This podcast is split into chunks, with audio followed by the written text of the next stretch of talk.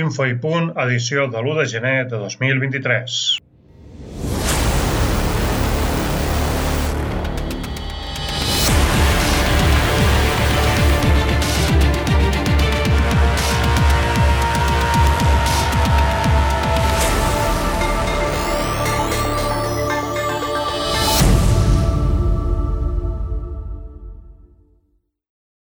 Des de que a començaments de setmana el Japó va anunciar que imposaria restriccions i controls als viatgers que visitessin el país procedents de la Xina, diversos estats s'han incorporat a la llista de països que faran controls i imposaran restriccions als passatgers de vols amb origen a aeroports xinesos.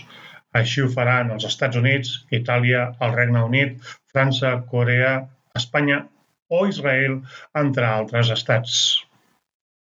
En la direcció contrària va Hong Kong, que relaxarà les mesures que s'apliquen als visitants procedents de la Xina. Des de la Unió Europea, els especialistes sanitaris incideixen en el fet que la ciutadania europea presenta un alt nivell de protecció contra la Covid, per la qual cosa el risc d'infeccions greus és baix. El que sí es promou és una política sanitària de seguiment per detectar si apareixen noves variants de la malaltia L'OMS reclama al govern xinès que comparteixi més informació sobre la propagació de la Covid. A la província xinesa de Zhejiang, amb 65 milions d'habitants, es creu que el nombre diari de noves infeccions està al voltant de milió de nous malalts o infectats.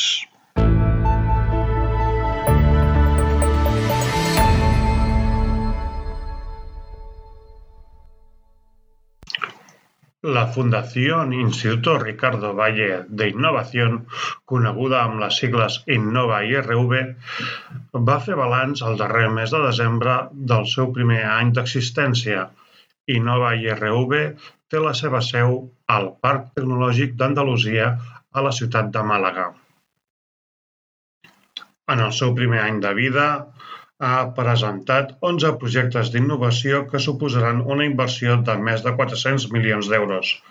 Aquests projectes es distribueixen entre les diferents àrees de treball que conformen la Fundació i inclouen microelectrònica, intel·ligència artificial, 5G, ciberseguretat, vehicle connectat, a sistemes aeroespacials, digital health, economia circular, food tech i indústria 4.0.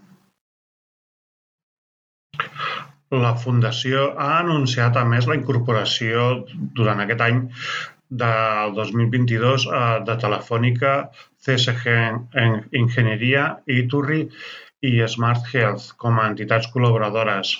Les entitats col·laboradores d'Innova i RV han presentat més de 60 projectes d'innovació durant el 2022, projectes que s'estan analitzant per tal de ser desenvolupats durant els propers mesos.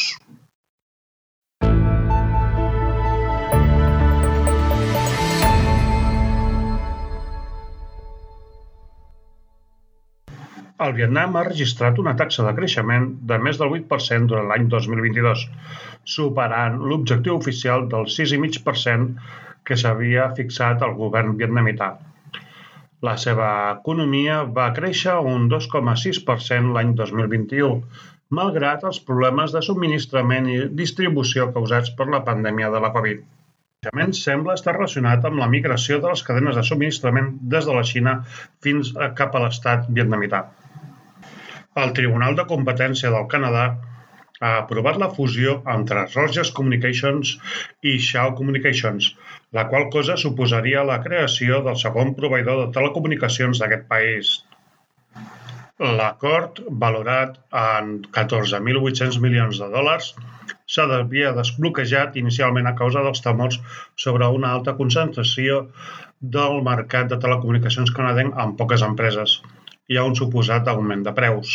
El tribunal, però, ha desestimat aquestes preocupacions i la transacció resta encara pendent de l'aprovació del govern del Canadà.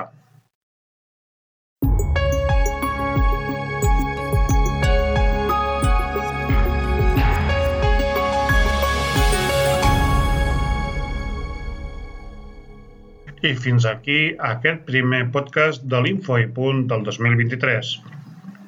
Us desitgem una feliç entrada a l'any nou. Us ha parlat Valentí Parrillà. Fins al proper podcast.